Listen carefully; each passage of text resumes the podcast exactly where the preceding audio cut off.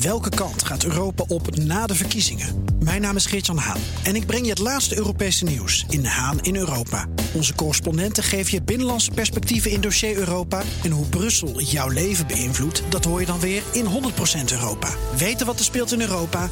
Luister naar de programma's van BNR. Mobility Update.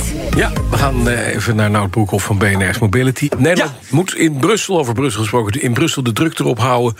om internationaal treinreizen gemakkelijk te maken. Wie, wie heeft dat gezegd? Is Is dat Wouter, Wouter Koolmees? Nee, nee, nee. Het is Nee, oh. van de meerdere partijen. De ANVR, eh, de Consumentenbond, de Reizigersvereniging Rover. Eh, best wel een paar partijen die een, een, een vinger in de pap hebben in de lobby. Er ligt eh, een, een plan bij de Europese Commissie. Hè, eh, maar dat dreigt voor het vertrek van eh, Frans Timmermans te worden afgezwakt. En eh, mogelijk dus worden uitgesteld. Het gaat om eh, het ja, makkelijker maken eh, van het boeken van internationale treinreizen. Er moet één platform komen in Europa waar consumenten reizen met verschillende opeenvolgende vervoerders kunnen vinden, vergelijken en met elkaar kunnen boeken. Maar daar is weerstand tegen, want vervoersbedrijven moeten dan hun data beschikbaar stellen Mhm. en dat ook met elkaar delen.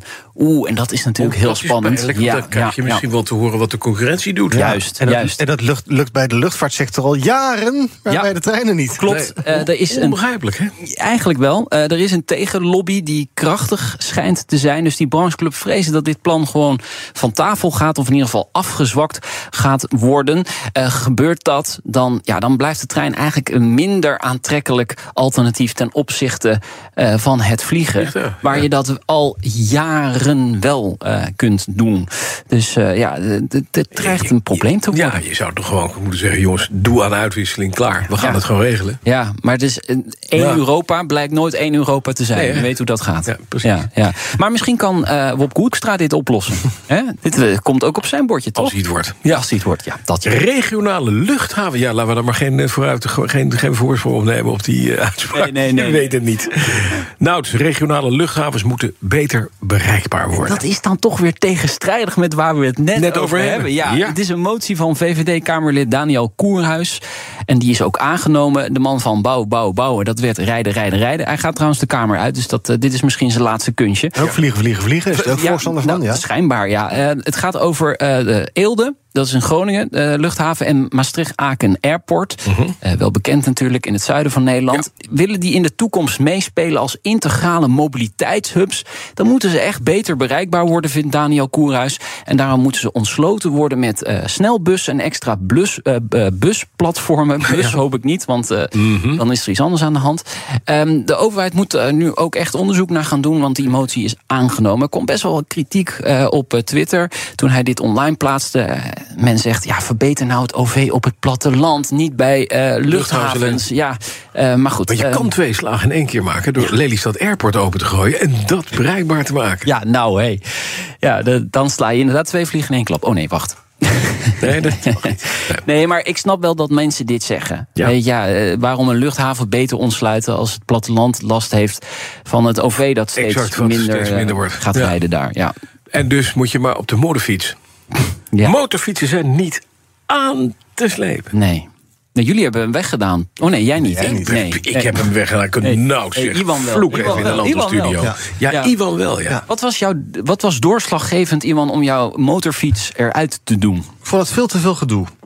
Eh, om te, eh, om te, eh, om, je moest je helemaal in het pak hijsen met die schoenen en die broek en die kleding en die helm op. En als je daar weer was, moest alles weer uit. Ja, hij heeft wel een punt hoor. En jij, Bas, ik heb jou in de zomer, misschien ben jij één keer op zijn Ja, motor gekomen. Ja.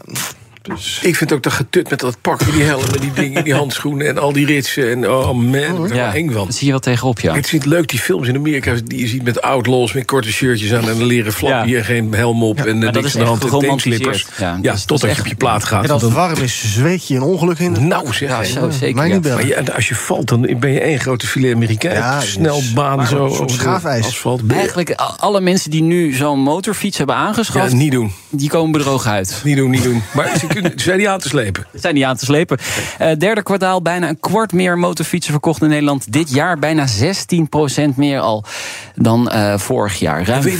Aan wie, aan wie ook? Nou, niet? de, de rijvereniging waar deze cijfers uh, afkomstig van zijn... die zegt vooral uh, wordt het gebruikt voor woon-werkverkeer... Ja. in combinatie met het brede aanbod van modellen... maakt de motor steeds interessanter als mobiliteitsoplossing. Het geeft ook heel veel vrijheid. Ja, ja. Je bent sneller door het verkeer, dus je staat niet in de file. Hè?